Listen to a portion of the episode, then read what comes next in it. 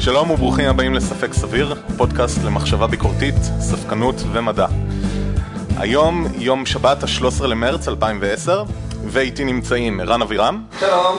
ברק ניצן, פרצטקל. ואביב אור. אהלן. אני ירון אסה, והיום מה שמחכה לנו בתוכנית זה, נדבר קצת על מה זה ספקנות ולאן לא אפשר לקחת אותה, נביא לכם חדשות מגניבות שקרו בעולם המדע אה, השבוע, ונדבר קצת על תאי גזע, מה אפשר לעשות איתם ולמה הרפואה עומדת להשתנות באופן קיצוני בגללם, וכמובן נסיים במשחק מגניב שבו נוכל לראות מה אמת ומה שקר, והאם האנשים הנכבדים שאיתי פה מסוגלים להבחין ביניהם. קודם כל, לפני שנתחיל, דיסקליימר קצר, אה, למרות שאנחנו חבורה של אנשים די סבבה ויודעים אה, לא מעט בצורה פורמלית כזו או אחרת ברמת הידע הכללי, אה, אנחנו עומדים. לטפל פה בנושאים די מורכבים, וסביר שאנחנו עומדים לטעות באופן אינסופי פחות או יותר.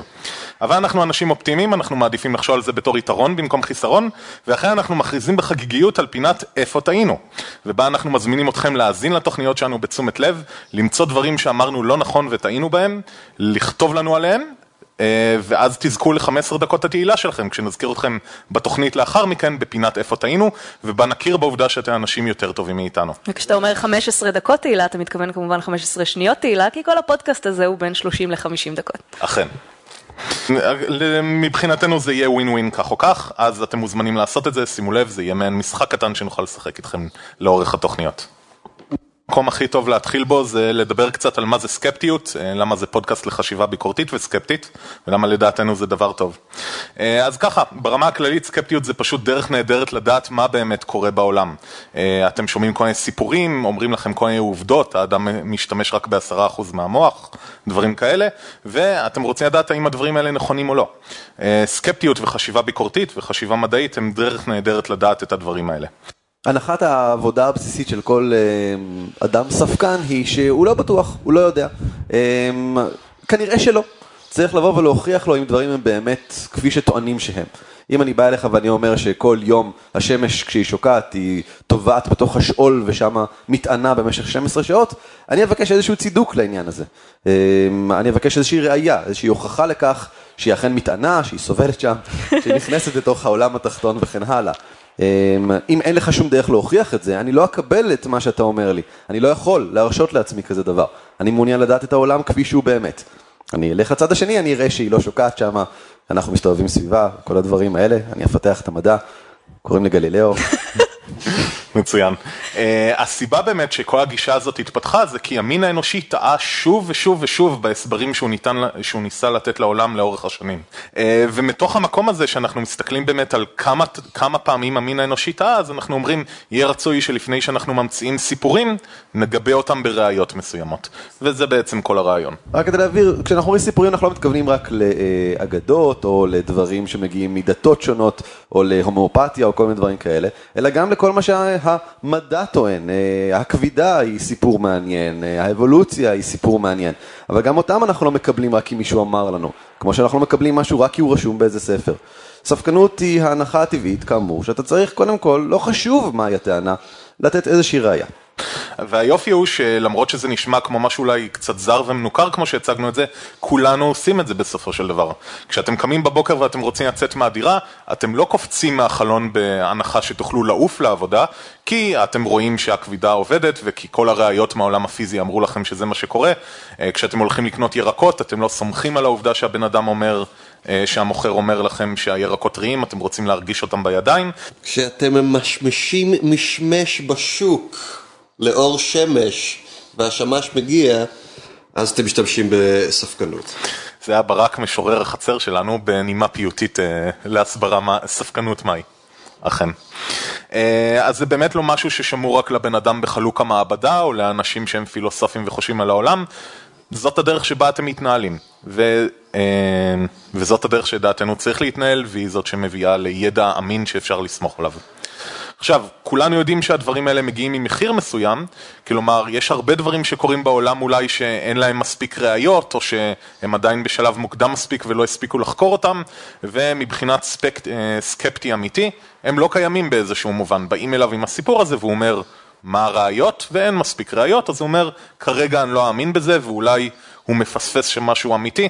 לדעתנו זה מחיר קטן לשלם כדי לא להאמין בהמון דברים שגויים ובשטויות. אחת הטענות נגד סקפטים בדרך כלל זה שהם אה, פשוט אנשים אטומים מחשבתית, הם פשוט לא פתוחים לרעיונות אה, נהדרים, שכמו שירון אמר, יכול להיות שיום אחד יוכיח אותם אה, גם המדע עצמו.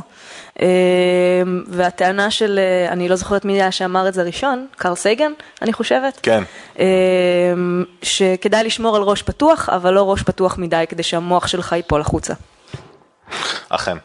אמ, אז זה באמת הנושא, כמו שאביב אמרה, בואו נדבר קצת על מהי לא סקפטיות, הרבה פעמים מקשרים את המילה סקפטי או ספקן עם ראיית עולם צינית, לא רגישה לעולם, אמ, לא להתלהב מדברים, לא להיסחף אחרי דברים, כשלמעשה זה בדיוק ההפך.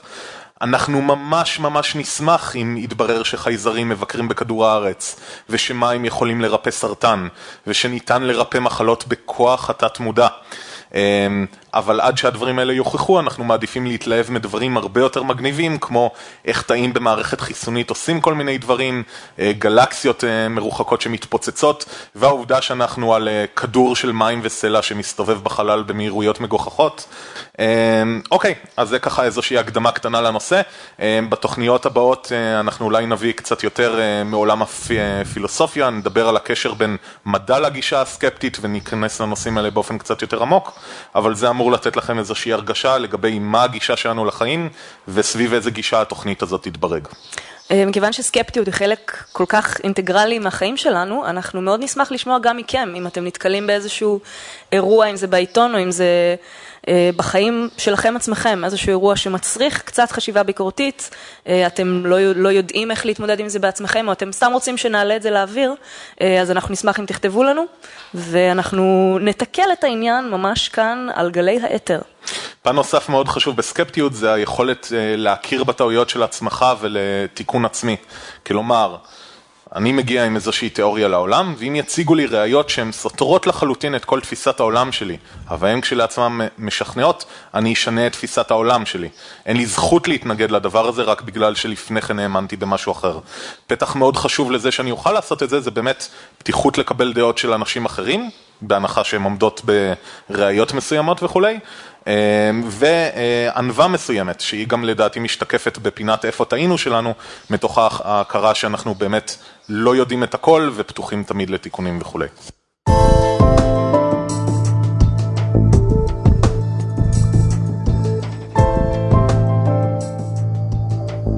אה, והשבוע יש לנו אה, כמה אייטמים. האייטם הראשון הצפנה קוונטית מול לוויינים.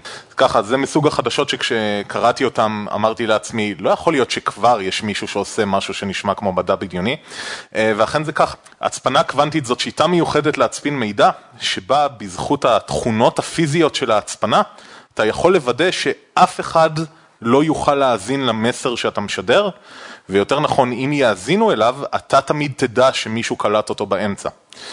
בעולם הקוונטי, שזה עולם של חלקיקים תת-אטומיים, חלקיקים יכולים להימצא בכל מיני מצבים בו זמנית. לדוגמה, חלקיק יכול להיות גם בעל משהו שנקרא ספין שלילי וספין חיובי, להימצא בכמה מקומות בו זמנית, שתהיה לו מהירות, כמה מהירויות בו זמנית, דברים שהמוח האנושי קצת קשה לו לקבל אותם, אבל גם המתמטיקה וגם ניסויים פיזיים מראים שהם נכונים.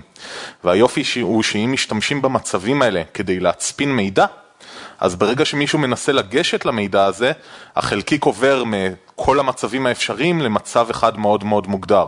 לדוגמה, במקום להיות בשלושה מקומות בו זמנית, הוא פתאום הופך להיות במקום הספציפי שמצאת אותו בו.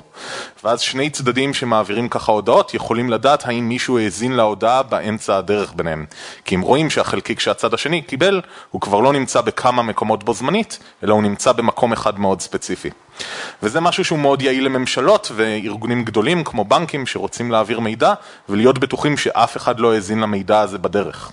התיאוריה הזאת קיימת כבר אה, לא מעט זמן, אה, כבר ב-1984 כתבו כמה מאמרים בנושא של איך אפשר לעשות תקשורת והצפנות אה, בהתאם לדברים האלה. העניין הוא שמאוד מאוד קשה לעשות אותה. היה אפשר לעשות אותה רק באמצעות כבל רציף של סיבים אופטיים. שאין הרבה כאלה וזה אה, מאפשר לך להעביר את ההודעות שלך רק מרחק מאוד מאוד מסוים. גילו שיטה חדשה להצפנת קוונטית שמאפשרת לעשות אותה גם כשהעצמים נעים. כלומר, אני על כדור הארץ יכול לשדר אות ללוויין שמסתובב בחלל, ואני יכול להשתמש בשיטה הזאת של הצפנה קוונטית. אני פשוט בוהה בך עכשיו, בעיניים פעורות. כל מה שאמרת כולל התורה שאנשים מכירים כבר ממש הרבה שנים, נשמע לי כמו מדע בדיוני מוחלט, וזה מגניב לאללה. כן, אחד הדברים אה, שתמיד צריך לזכור כשמדברים על מכניקת הקוונטים, זה שא', אני יודע רק ממדע פופולרי, וב', גם אנשים שלומדים את זה הרבה מאוד שנים מתקשים להגיד מה כן נכון ומה לא נכון ומה ההשלכות של כל מיני דברים, אבל מה שבטוח זה, המתמטיקה עובדת והניסויים הפיזיקליים עובדים. אני הייתי פשוט בשוק שגיליתי את זה, אבל באמת משתמשים בזה בעולם האמיתי כבר, בהצפנה קוונטית. What the fuck are you talking about? תקשיב. הסיפור הזה עם הקוונטים ומכניקת הקוונטים והפיזיקה התיאורטית שעומדת מאחורי זה לא מקובל עליי. אה, מה, מה, מה, לא, לא, רגע, בוא, בוא נבין פה. אני רק רוצה להגיד שאתה בחברה טובה, זה גם לא היה מקובל על איינשטיין ועוד כמה אושיות מדעיות אה, נכבדות. אוקיי, מה, מה, מה, הטכ- אז, אז, מה, אז מה עובד פה? זה אלגוריתם? זה, מה החומרה? יש, יש סוסים, בסדר? זה, הסוסים מושכים את עגלת הקוונטי, נכון? הבנתי עד עכשיו, נכון? כמעט, רק תחליף את המילה סוסים בפוטונים מצומדים באופן שזור, בשזירות קוונטים. בסדר, וכן. זה שפה, אל תהיה כן. קטנוני. אה, מה שקורה זה, אה, יש פוטונים, שזה חלקיקים קטנים של אור, ואם יוצרים אותם בתהליך מסוים, אז אתה יכול ליצור אותם ככה שזוגות של פוטונים, כלומר כל צמד של חלקיקים, הוא יהיה קשור באיזשהו אופן. קוראים לזה שזירה קוונטית. האמת היא, בעולם הרגיל אנחנו רגילים לזה, תלמידים פותרים בעיות כאלה בפיזיקה כבר שנים. לדוגמה, כדור ביליארד אחד פוגע בכדור ביליארד אחר, ואז אם אתה יודע את התנע של הכדור ביליארד אחד, אתה יכול לחשב את התנע של האחר. הדבר המיוחד במכניקת הקוונטים זה שהם מצויים בכל מיני תנע שונה וכל מיני מהירויות שונות בו זמנית, ואז אם אחד מהם נמדד, גם השני נמדד. לא ניכנס באמת לדברים האלה, בעיקר כי אני לא רוצה לבייש את עצמי ולהגיד כל מיני שטויות. כן, יש איזה כמה בעיות פילוסופיות בכל התחום הזה, אולי ניכנס לזה בתוכנית אחרת. זאת בדיוק הנקודה שצריך לזכור, המתמטיקה עובדת והניסויים הפיזיקליים מאשרים את זה. המוח שלנו פשוט לא בנוי לחשוב במונחים האלה. אנחנו חושבים במונחים של לפני ואחרי, של מיקום ותנועה, ופשוט המילים האלה לא באמת מקיפות את התופעות הפיזיקליות כמו שצריך. איך הולך עם המחשבים הקוונטיים? האמת היא גם ממש ממש טוב, זה עוד, כן, כבר בנו אחד שיודע לעשות חיפוש. אני רק אכנס פה לתא טלפורטציה, אעבור לירח כדי לסעוד עם אנשי המאדים, אבל היופי בדברים האלה זה שבאמת למרות שהם נשמעים כמו מדע בדיוני, יש חברות שכבר היום עושות את זה, יש בנקים שמשתמשים בהצפנה קוונטית כדי להעביר אה, מסרים מוצפנים מאחד לשני. אמ, אז זה בנוגע לאייטם הראשון שלנו, בנוגע להצפנה קוונטית. בזמן האחרון אה, הגיעו לבשלות שני מחקרים בנוגע למקור החיים על כדור הארץ. תורת האבולוציה מקובלת ומבוססת על הקהילה המד- המדעית בתור התיאוריה שמסבירה איך חיים יותר ויותר מורכבים התפתחו מהרגע שהיו את החיים הראשונים. והשאלה שנותרה פתוחה כמובן היא, איך החיים התחילו? איך יכול להיות שמולקולה יחסית מורכבת כמו DNA נוצרה במרק הקדמוני שהיה פעם בכדור הארץ? שני מחקרים מהזמן האחרון שבאו לבדוק את זה, אה, שופכים אור חדש על התעלומה. אה, מחקר אחד בא לבדוק איך מולקולה כל כך גדולה כמו DNA הייתה יכולה להתקיים ולא להיסגר לתוך עצמה. כלומר, ברגע שנוצרות מולקולות כימיות מאוד גדולות, יש להן נטייה לקצוות שלהן להתאחד ביחד, אז איך היא הייתה יכולה להישאר ישירה מספיק, ישרה מספיק, כדי לאסוף חומרי גלם בקצוות שלה ולהמשיך ולגדול. המחקר הזה גילה שמולקולות אה, יחסית קטנות, אה, שהשם המונח באנגלית זה midwives, כלומר מולקולות שמקשרות בין מולקולות יותר גדולות, היו יכולות לשמש כמעין סרגל. שמיישר את המולקולות הענקיות האלה, הפולימרים האלה, שבעתיד התפתחו ל-DNA ו-RNA ושאר המולקולות הביולוגיות, ועל ידי זה שהן נותרו ישרות, הן היו יכולות להיות חופשיות לצבור עוד ועוד חומרי גלם בקצוות שלהן ולהתפתח למולקולות הרבה יותר מורכבות מהמולקולות הסגורות יחסית שקיימות. אה, מחקר שני מרתק אה, שהסתכל על מקור החיים, בא לבדוק אה, באמת מעבר לעובדה שאוקיי, יש שם רק קדמוני ואנחנו יכולים אה, ליצור בו מולקולות, אבל מה שהמנוף המרכזי ליצירה של מולקולות מורכבות זה מעין אנזימים, אנזימים שיודעים לאסוף אטומים שונים ולחבר אותם למולקולות ולשרשראות אה, מעניינות ומורכבות, שאחר כך יכולות להתחיל ולגדול. אז עולה השאלה, איך האנזימים האלה נוצרו כשהם כשלעצמם יצורים די מורכבים? ומשהו היה חייב להתחיל את התהליך הזה. אז אה, מחקר חדש שהסתכל על זה ראה שמולקולות מאוד מאוד קטנות, שמכילות רק חמישה גרעינים, אה, בניגוד למולקולות רגילות של ה-RNA ושל אנזימים שיכולות להכיל גם 5,000 ו-6,000 גרעינים, אז גם המולקולות הקטנות האלה, בהן כשלעצמם יש מספיק פונקציונליות כדי לאסוף חומרי גלם מהאזור ולחבר אותם לשרשראות הארוכות יותר. וזה אה, פריצת דרך משמעותית, כי עד עכשיו לא ידעו את זה.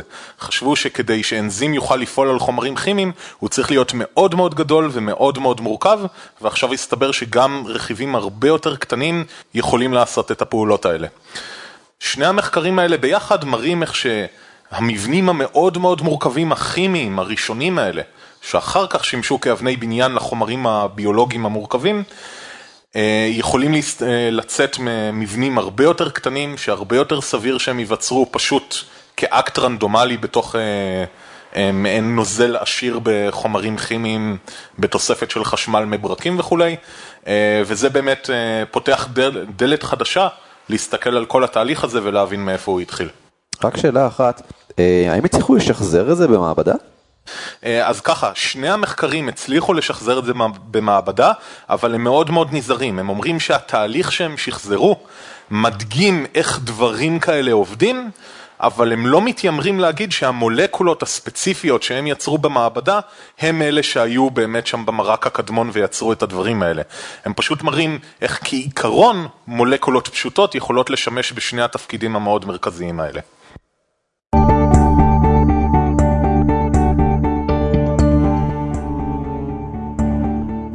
מה זה תאי גזע? תאי גזע הם תאים אה, בגוף האדם או בגוף של כל יצור חי אה, שעדיין לא התמיינו לסוג מסוים של רקמה. יש לנו כל מיני סוגים של רקמות בגוף, ריאות, עור, דם, אה, עצבים וכן הלאה. תאי גזע הם סוג של תא שהעתיד שלו הוא לייצר תאים מסוגים שונים. ברגע שיצור נוצר, תא אחד שעבר הפריה, אז הוא כבר סוג של תא גזע שנקרא תא גזע טוטי-פוטנטי. כלומר, תא גזע שיכול לייצר יצור שלם. ברגע שהוא מתחיל... רק, סליחה, רק שאלה. כן. וזה שונה מתאי גזע אחרים? יש, לכל תא גזע יש בעצם אה, שלושה שלבים, פחות או יותר. השלב הראשון זה השלב שהוא מתא גזע אחד מתפתח יצור שלם. אה, השלב אחר כך, הוא מתחיל להתחלק קצת בתוכו, אה, ונוצרת השליה. אה, ושאר התאים הם נקראים תאים פלוריפוטנטיים, שהם מה שהולך לייצר את כל התאים בגוף האדם. כרגע אין להם שום סוג של סיווג מלבד אני תא בגוף של יצור כלשהו.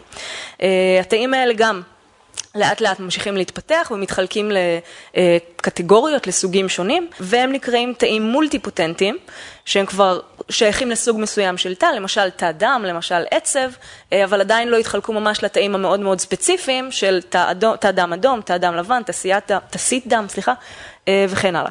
מספיק לחשוב על זה שתי שניות בשביל להבין כמה דברים מגניבים אפשר לעשות עם זה אה, בתחום הרפואה. אה, משהו שעד, שכבר עכשיו עושים, כבר די הרבה זמן, זה טיפולים של השתלת מח עצם. במח עצם יש תאי גזע שאחראים על אה, הפקת תאי דם, וכבר עכשיו טיפולים של השתלות לחולי סרטן שיש להם חסך בתאי דם, לוקחים קצת מח עצם ממישהו בריא, משתילים בפציינט, אה, ובעצם התאי גזע האלה מחדשים לו את מערכת, מחדשים לו את אה, תאי הדם בגוף שלו. בעצם ברמה הכללית אנחנו מסתכלים על תינוק או אה, יצור מאוד מוקדם ואנחנו אומרים, הוא יכול לגדל ידיים חדשות, הוא יכול לגדל כבד חדש, ריאות חדשות, למה אנחנו כאנשים בוגרים לא יכולים לעשות את זה? זה יהיה נהדר אם תיחרט לי היד ותוכל פשוט לצמוח יד חדשה, או אה, ברמה יותר פשוטה, אם אה, אני אדפוק לעצמי את הכבד והוא יוכל לחדש את עצמו. ובעצם אם, אה, על ידי זה שחקרנו את היכולת של יצורים חדשים להצמיח את האיברים שלהם, הבנו מה המנגנון שעומד מאחורי זה, ואנחנו עכשיו מנסים לנצל אותו גם באנשים בוגרים יותר. בדיוק, ואומנם עכשיו הטיפולים שאפשר לעשות, הם, יש הרבה מאוד טיפולים, אבל הם עדיין די מוגבלים, אבל טיפולים שמדברים עליהם בעתיד, שכבר נעשו ניסויים, או שמדברים עליהם יותר אה, בצורה תיאורטית, זה גם לפגיעות מוחיות, לחידוש תאי עצב במוח, אה, במחלות כמו פרקינסון ואלצהיימר, שתאים פשוט...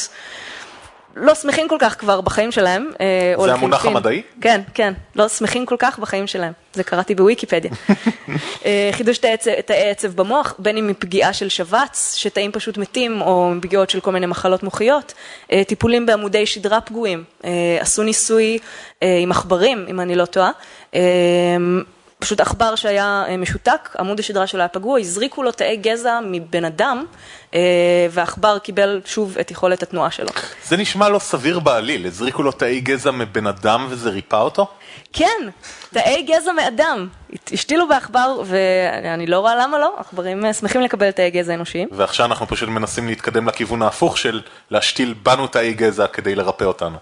למשל, זה יכול לעזור. אה, דברים נוספים זה חירשות, עיוורון, התקרחות, למה לא להשתיל תאי גזע אה, בקרקפת, שפשוט ייצרו לנו עוד שערות, אחת מהבעיות הגדולות של המין האנושי, אה, השתלת שיניים, סכרת למשל, להשתיל את, את מה שמייצר את האינסולין שחסר אצל חולי סכרת. אביב, אבל בואי נדבר על הדברים החשובים באמת. להחליף הכל. כן, כולל את איבר המין, ירון. זהו, רציתי לשאול מתי אני אוכל באמת להגדיל את איבר המין שלי. אפשר להחליף את הכל ולחיות לנצח, כל פעם אתה מחליף איברים, תחשוב על זה. תחשוב על זה. לא, כמשהו שנעשה, כפרויקט הבא שלנו, במקום הפודקאסט הזה. מצוין. לא, למה במקום? החל מהפרק השני אנחנו מקבלים מכם פניות של, כן, לא חשוב. על איך להגדיל את איבר המין. Please, call us at this number. Any information on this subject, do not hesitate. אוקיי. אה, אה, התאי גזע האלה, עד עכשיו דיברנו בעיקר על, אה, או שלא דיברנו כל כך, אבל תאי גזע אפשר לקחת משני מקורות. יש תאי גזע עובריים, כלומר ממש מה, כמה ימים אחרי ההפריה של התא, העובר במצב שנקרא בלסטוציסט, שזו מילה שאני ממש מרוצה ממנה, הוא פשוט אוסף קטן של הרבה מאוד תאי גזע שהם לחלוטין פתוחים להתמיין לכל דבר שהגוף האנושי צריך. זה מן הסתם, זה, זה, זה המקור, נשמע כמו המקור הכי טוב לקחת ממנו תאי גזע, בגלל שכל דבר שאנחנו רוצים להפיק מהם, אנחנו יכולים. Uh, המקום, המקור השני לקחת ממנו תאי גזע זה מבן אדם בוגר. כשאני אומרת בן אדם בוגר, הכוונה גם לעובר שכבר סיים להתפתח, זה פשוט ייצור שסיים להתפתח. Uh, כמו למשל המח עצם שדיברנו עליו קודם, uh, גם תאי עצב במוח הצליחו לקחת מיצור בוגר. יש פחות סוגים, זאת אומרת, יש, זה לא... פתוח לכל התמיינות שהיא כמו תאים עובריים, הרבה יותר קל לקחת אותם, אה, בגלל שכולנו יצורים בוגרים, ולתאי אה, גזע עובריים, לעומת זאת, אה, הלקיחה של תאי גזע היא קצת יותר בעייתית. יש שיאמרו גם קצת יותר אלימה, ופה נכנס הפן השני לזה שיותר קל לקחת תאי גזע מאנשים בוגרים. אנשים בוגרים יכולים לחתום על טפסי הסכמה. אה, ולדתות הגדולות בעולם אין בעיה עם זה שיקחו מהם תאי גזע. אה, לעומת זאת, אה, תאי גזע עובריים שהם לרוב משהו שהעובר צריך. זה נושא קצת יותר שנוי במחלוקת, חוץ מנושא אחד שהוא די מקובל בכל העולם, וזה לקחת תאי גזע מדם שהוא בחבל הטבור. כן, אבל אלה, אלה לא נחשבים כבר תאים עובריים, הם, הם נחשבים פרקטיקלי תאים של אדם בוגר, אלא שהם כן קצת יותר, יש להם יכולת התחדשות, קצת יותר מגוונים בסוגים שלהם. אה, וזה באמת, יש בנקים שעושים את זה עכשיו. אה, אתה יכול לתרום את הדם הטבורי אה, כשאתה יולד דברים, אז אתה יכול לתרום את הדם הטבורי לאיזשהו בנק כללי. ויש גם uh, כל מיני בנקים פרטיים שאתה יכול לשמור את הדם הטבורי של התינוק שלך לצורך השתלה עתידית במקרה שהוא יצטרך, שזה מאוד מגניב, אבל זה קצת פחות עוזר במקרים כמו uh, uh, לוקמיה למשל, בגלל שהתאים שבדם הטבורי הם כבר קצת לוקים בלוקמיה, כן. כבר קצת בעייתיים.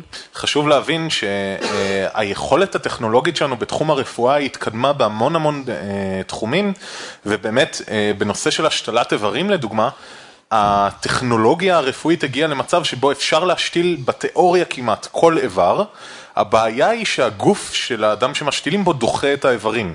אה, יש בעיות מאוד גדולות שמערכת החיסונית דוחה את התאים שאתה מנסה לה, אה, להשתיל, או שכלי הדם שאתה מנסה לתפור לתוכו פשוט נמסים, כי הגוף דוחה את השתל, וכמובן שאם יהיה אפשר לקחת ממך תאי גזע, לפתח מהם את האיבר שרוצים להשתיל, ואז להשתיל אותו בחזרה, אז אין שום בעיה, כי האיבר הזה למעשה יתפתח מהתאים שלך.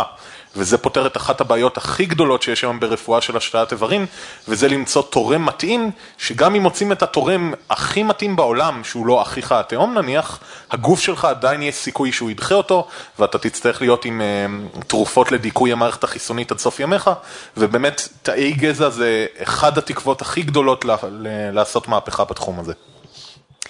אז הזכרנו את העניין של לקחת תאי גזע מעוברים. אה, כרגע אה, למחקר משתמשים בעיקר בעוברים אה, עודפים, מה שנקרא, שנשארו מהפריות חוץ גופיות. כשעושים הפריה חוץ גופית, משתמשים, בעצם מפרים הרבה מאוד עוברים, כדי שלפחות חלק מהם אפשר יהיה להחזיר ולעשות איתם משהו, ונשארים די הרבה עוברים שלא משתמשים בהם בסוף. את העוברים האלה, אין, אין מה לעשות איתם, כלומר, אף אחד, קשה מאוד לשמור אותם במגירות בצד ולהשתמש בהם יום אחד, אה, אז הפתרון האולטימטיבי הוא לקחת אותם ולהשתמש בהם למחקר של תאי גזע. והבעיה היא, כמו שירון הזכיר, זה שלהרבה מאוד אנשים יש בעיה מוסרית. אם לקחת עוברים שהם מבחינתם, לפי האמונה שלהם, נחשבים כבר יצור חי לכל דבר, אה, לקחת אותם ובעצם להרוג אותם בשביל, אה, בשביל מחקר. אה, אלה ארגונים של פרו-לייף, הם בדרך כלל נוצרים קתולים. מעניין לדעת שביהדות ובאסלאם למשל אין שום בעיה עם זה. זאת אומרת, עובר ביום החמישי מרגע ההפריה לא נחשב לבן אדם. כן, ביהדות ובאסלאם באופן כללי, א', עד היום ה-40 להתעברות. הם לא נחשבים כבני אדם. ב', ביהדות ספציפית, אני לא יודע לגבי האסלאם, אני אשמח לשמוע מכם, אבל ביהדות ספציפית, הצו של אה, אה, שימור חיים ופיקוח נפש, הוא פחות או יותר דוחה כמעט כל דבר אחר, ולכן אה, זה מנוף מאוד גדול ויש כמה רבנים בארץ שממש היו אמיצים ונקטו עמדות חזקות בנוגע לזה והם אמרו, היות וזה משהו שיכול להציל חיים, כל דבר אחר יורד מהשולחן ואנחנו מרשים לעשות מחקר בזה. כמובן, לא להרוג ילד מהרגע שהוא נולד או אחרי יום 40, אבל הם באמת עמדו, אה, איך אפשר להגיד, בחזית אלה שנאבקים למען המחקר הזה, כי הם אמרו, זה פיקוח נפש. ומבחינתנו זה קדוש.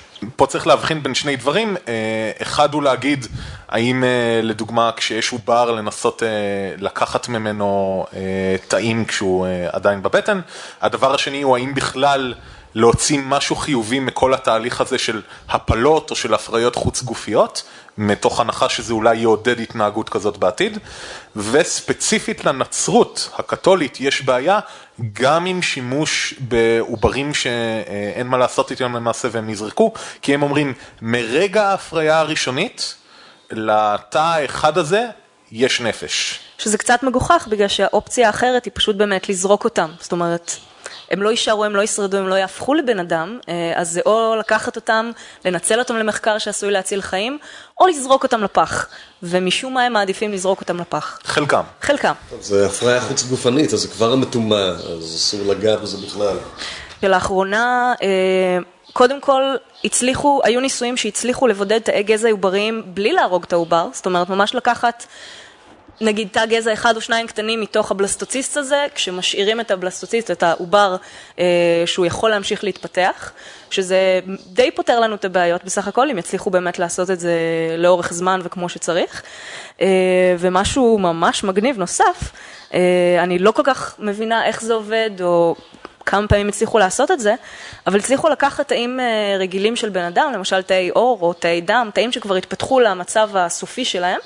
ולהחזיר אותם אחורה למצב של, אה, אה, של תאי גזע. אומנם אני לא יודעת אם תאי גזע שיכולים להתפתח לכל דבר בכלל, אבל כן לקחת נגיד תא דם אדום.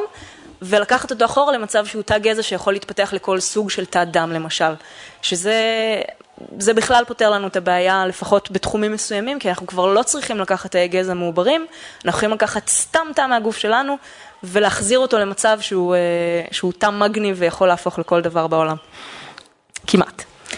אה, התפתחות מאוד משמעותית שקרתה למעשה בדיוק השבוע, אה, למעשה משדרגת באופן מהותי את היכולת שלנו לחקור תאי גזע ולהשתמש בהם. מדענים במכון תאי גזע אנסארי בקולג' הרפואי של קורנל גילו שאפשר להוציא מגוף האדם תאים אנדוטליים, שאלה תאים, התאים הכי הכי בסיסיים שמייצרים את מערכת כלי הדם שלנו, ולהשתמש בהם כאיזושהי קרקע גידול אה, והזנה לתאי גזע. רק להוציא את התאים האנדוטליים האלה זה, זה חתיכת סיפור. כי מסתבר שזה לא קל כמו לקחת דגימת דם, לזרוק אותה לתוך מבחנה ופגז, אלא זה גם אחד מהחידושים שלהם שם ב, אה, במחקר. אה, אבל ברגע שהצלחנו להוציא אותם, אנחנו יכולים להניח או להטמיע בהם תאי גזע שנלקחים מתוך מח עצם של בן אדם בוגר, ולהרבות או, או, או לייצר בעצם אה, בית חרושת קטן של תאי דם מתוך התאי גזע האלה. זה פשוט יוצר סביבת גידול מאוד מאוד נוחה, שגם משאירה את התאים האלה חיים הרבה יותר זמן. עם אה, תאי גזע רגילים, אתה שם אותם בתנאי מעבדה והם שורדים אולי לארבעה-חמישה ימים, בשיטה הזאת התאים יכולים לשרוד, אה, כרגע מדברים על עד שלושה שבועות, והם מדברים גם על להגדיל את הזמן הזה פי 400 או משהו כזה. אה, זה באמת יעיל, במיוחד לאור הבעיות המוסריות שדיברנו עליהן, אז היכולת לנצל את המשאבים האלה באופן מקסימלי ולחקור אותם לאורך זמן, היא באמת שדרוג מאוד מאוד מהותי ביכולת של כל מיני מכוני מחקר, באמת להגיע לתוצאות ממשיות, ובעיקר אה, לשחזר תוצאות של מכונים אחרים, שזה חלק מאוד מאוד חשוב בתהליך המדעי.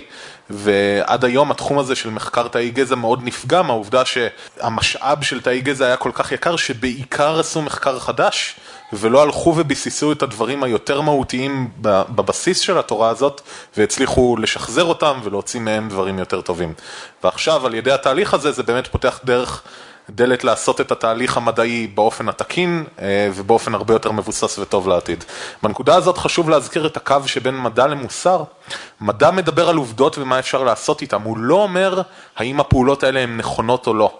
הוא לא אומר האם כוח גרעיני זה נכון לפתח ממנו פצצה ולזרוק אותה על אנשים, אה, הוא רק אומר, הנה איך התהליך הגרעיני עובד, אה, יש אנשים שאומרים שיש בזה מובן של פחדנות ושמדענים הם לא מוסריים, אפשר להתווכח על הנקודה הזאת, אבל תחומי, תחומי המדע כשלעצמם הם לא פוליטיים, לא נוגעים במה נכון או לא נכון, במה טוב או רע, הם רק אומרים, הנה העולם שמסביבנו, הנה השיטה שבה אנחנו יכולים לחקור אותו, ובואו נראה מה מסתתר שם. זה כמובן המצב האידיאלי, אפשר להגיד, אבל אה, בעולם אה, המציאותי, גם המדע וגם המחקר עצמו הוא מתבסס, אה, אי אפשר להתחמק מזה, הוא מתבסס על פוליטיקה. כלומר, מדענים לא באים, מכניסים את היד לכיס, מוציאים את הכספים של המחקר שלהם, הם, הם צריכים את הכספים האלה מהמדינה בדרך כלל, והמדינה היא זו שמחליטה במה אנחנו משקיעים ומה אנחנו לא מוכנים להשקיע בו. אני חושבת שבארצות הברית היה תקופה מאוד ארוכה שאסור היה להשתמש בתאי גזע עובריים בכלל, בגלל שהמדיניות של הממשלה הייתה אה, כזאת ש... שזה פשוט אסור, שזה שמדובר באנשים חיים, שאסור לפגוע בהם, שאסור להשתמש בהם לצורכי מחקר, אה, שזו אחת הסיבות שהם... בעצם הניסוי הראשון על בני אדם ב... תאים עובריים של בני אדם רק בינואר 2009, אם אני לא טועה, אושר. אמ, בארצות הברית. בארצות הברית. היו ניסויים אחרים במקומות אחרים. כן, כן, בארצות הברית. היא אכן מעצמה, אבל יש אנשים אחרים שעושים עבודה טובה גם כן. אין ספק. בעיקר יפנים. אה, לא, בתחום ספציפי של תאי גזע זה בעיקר יפנים נכון. באמת.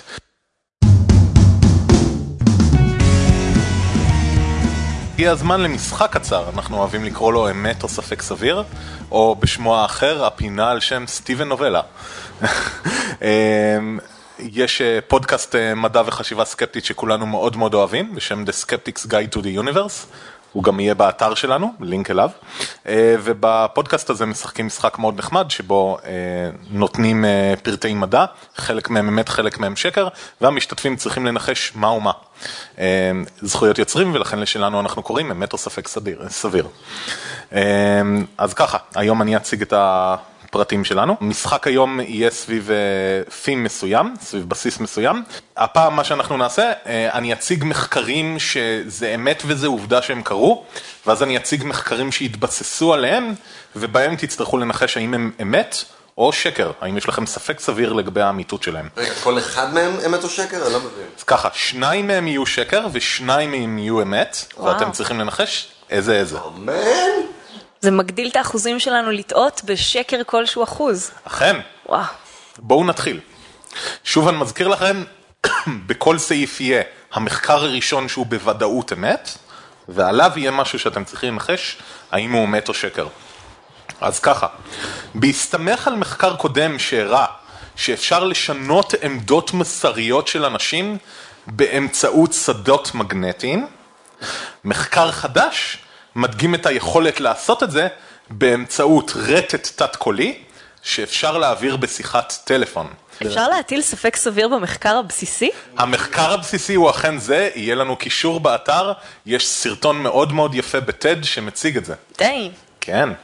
אה, למי שמכיר דולהאוס, ייתכן שזה הפתח אה, אה, להשתלט על כולנו ולשנות לנו את המחשבות. אז זה האייטם הראשון. אייטם שני, מחקרים קודמים הראו שעורבים היא חיה שיוצרת כלים באופן ספונטני, כלומר הם לוקחים כל מיני דברים ומכופפים אותם ומשתמשים בהם ממש ככלים.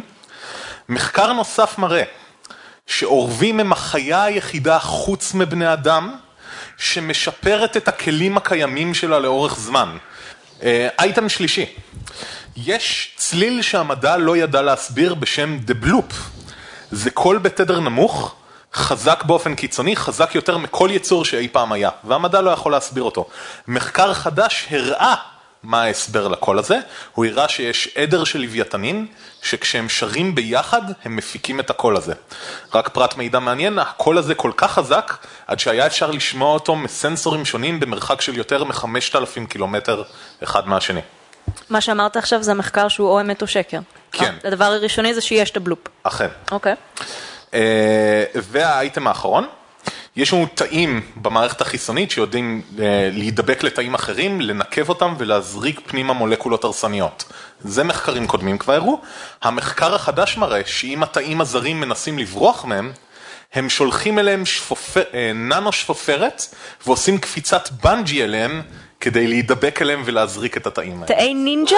תאי נינג'ה, אכן, יש לנו תאי נינג'ה במערכת החיסונית, זה מה שהמחקר טוען. שניים אמת, שניים שקר. ברק, would you care to go first? הולי שיט. הראשון לא נכון בטוח. השני אני לא רוצה להאמין, זה אומר שזה כנראה נכון. אוקיי, אז השני נכון. אוקיי. השלישי, לא, למה לא? רגע, אוקיי, בוא נעבור לרביעי במקום. אה, עם הנינג'ה? sure, I like that. I like that a lot. נינג'ות במערכת החיסונית זה מגניב. אוקיי. אז זה אמת, חסר לי עוד אמת אחד. הולי קראפ. העורבים או הלוויתנים? עורבים או לוויתנים? עורבים או לוויתנים? לא, העורבים לא, לא, לא. זה, אז, אז אה, העורבים זה לא נכון, והאלקטרומגנטי, אה, שינוי עמדות מוסרות בטלפון זה לא נכון. אוקיי. ערן? טוב, בסדר. אה, דבר ראשון, אין שום ספק לגבי עניין תאי אדם. הנושא, הנושא הרביעי, אה, נינג'ות לגמרי, אין לחלוטין. אני יודע שתאים זה דברים מופרעים, נינג'ות זה דברים מופרעים, זה מתחבר לי ביחד. זה נשמע כמו מסוג הדברים שיכולים לקרות, ואף אחד אף פעם לא ראה משום מה, ועכשיו אנחנו רואים לראשונה. אז זה ללא ספק אמת לדעתי. הבלופ לדעתי זה שקר. אני מעדיף להאמין שישנו באמת איזשהו קול אדיר שנשמע ואף אחד לא יודע עדיין עד היום מהו, ונראה לי שההסבר שלך של לוויתנים הוא קצת פשוט מדי.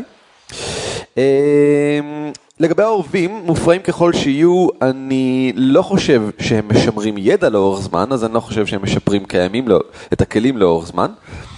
עם זאת, אין לי ברירה להאמין שזה נכון, כי אני לא מאמין לעניין הראשון. עם הרטט התת-קולי, אני לא חושב שאפשר לשנות ככה אה, מחשבות, לא, מחשבות בוודאי, אבל עמדות מוסריות עוד יותר. או, סליחה, עמדות מוסריות ספציפית. אני לא מאמין שזה, שזה אפשרי ברטט תת-קולי, כי זה לא נשמע לי באמת תואם לעניין השדות המגנטיים. זה דברים שונים לגמרי, שמשפיעים באופן שונה לגמרי על המוח. ולכן, זה שקר. אביב? אוקיי, אני אתחיל מעדר הלוויתנים, אני חוש... על הבלופ שמעתי, ואני זוכרת ששמעתי שזה דווקא לא עדר לוויתנים, אלא עדר... זה נשמע לי מגוחך שאני אומרת את זה, אז אני כבר לא יודעת אם אני זוכרת את זה כי זה קשור לזה, או כי זה משהו אחר לגמרי, אבל אני זוכרת שמדובר בעדר של לובסטרים, שעושים קלאפ, שעושים קליקים עם הצבתות שלהם, אז אני אגיד שזה שקר. אה, לגבי עורבים, החיה היחידה, אני, האמת שאני מוכנה לקבל את זה שעורבים משפרים כלים, קצת יותר קשה לי לקבל שהם החיה היחידה שעושה את זה, אה, אז אני אגיד שגם זה שקר. חוץ מבני האדם. כן, כן, חוץ מבני אדם, בני אדם מסוימים לפחות. אה, על התאים, זה נשמע הזוי לגמרי, אבל אני יכולה לדמיין את זה במין אנימציה מגניבה כזאת, אז מבחינתי זה בסדר גמור, וגם נינג'ות וכן הלאה. לגבי שינוי דעות מסוריות, אה, כן, זה, זאת אומרת, כן, זה נשאר, אז, אז אני אגיד שזה אמת. אוקיי, מצוין. הפעם הייתם אה, על פני אה, כל הפריטים. אה, לעומת הפעמים הקודמות, כן. לעומת הפעמים הקודמות. אה, אז בואו נדבר על זה באמת ונראה מי צודק ומי טועה. או שאני טועה, ואז תוכלו לציין את זה בפינת איפה טעינו. במעין מטה על מטה משעשע שכזה. אז בואו נתחיל באייטם הראשון.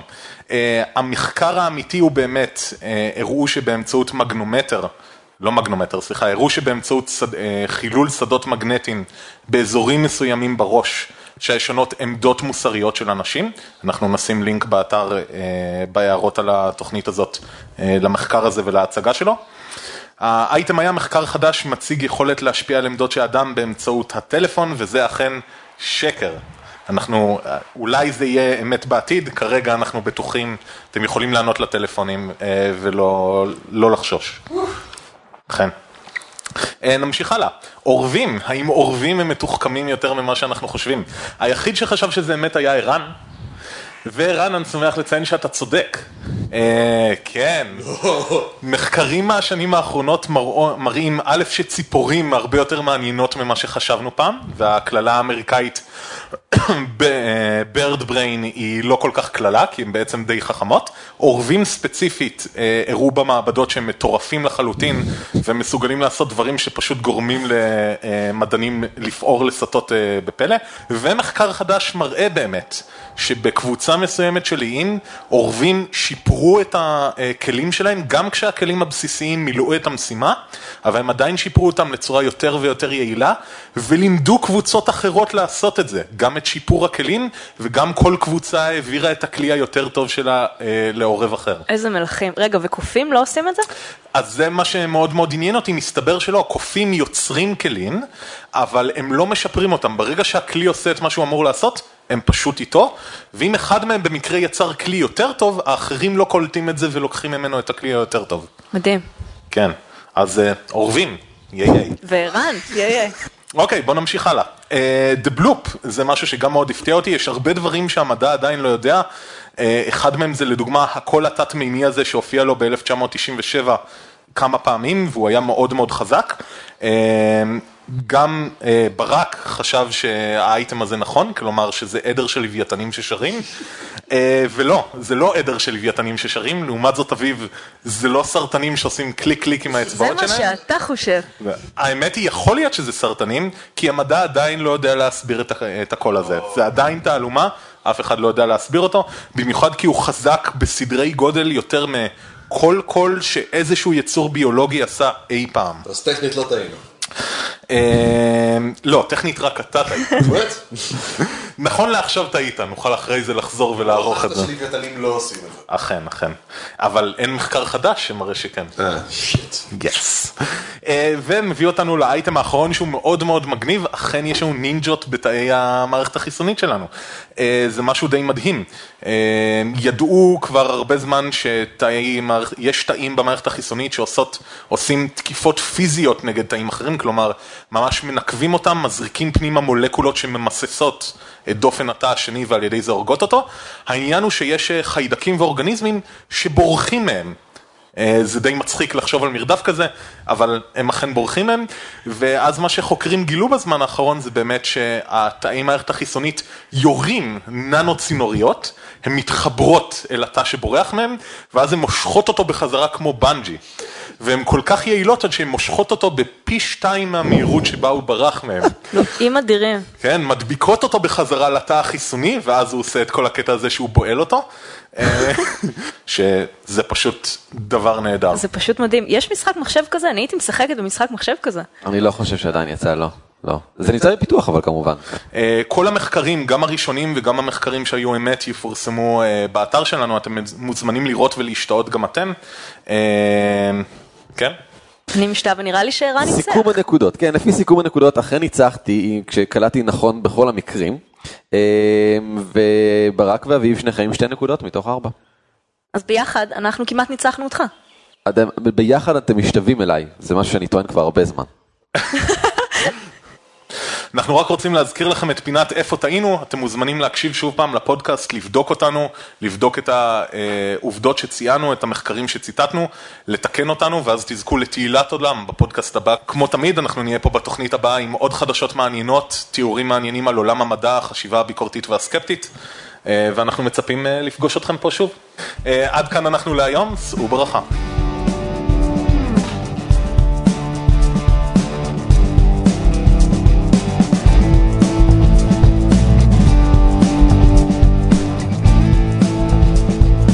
תודה שהאזנתם לספק סביר, פודקאסט לחשיבה ביקורתית, סקפטיות ומדע. אם אתם רוצים ללמוד עוד על הנושאים שדיברנו עליהם ועל נושאים נוספים, אתם מוזמנים לבקר אותנו באתר שלנו www.ספקסביר.co.il משם גם תוכלו להירשם לתוכנית שלנו באייטונס ואייקאסט, להשאיר לנו תגובות ובאופן כללי לספר לנו מה דעתכם.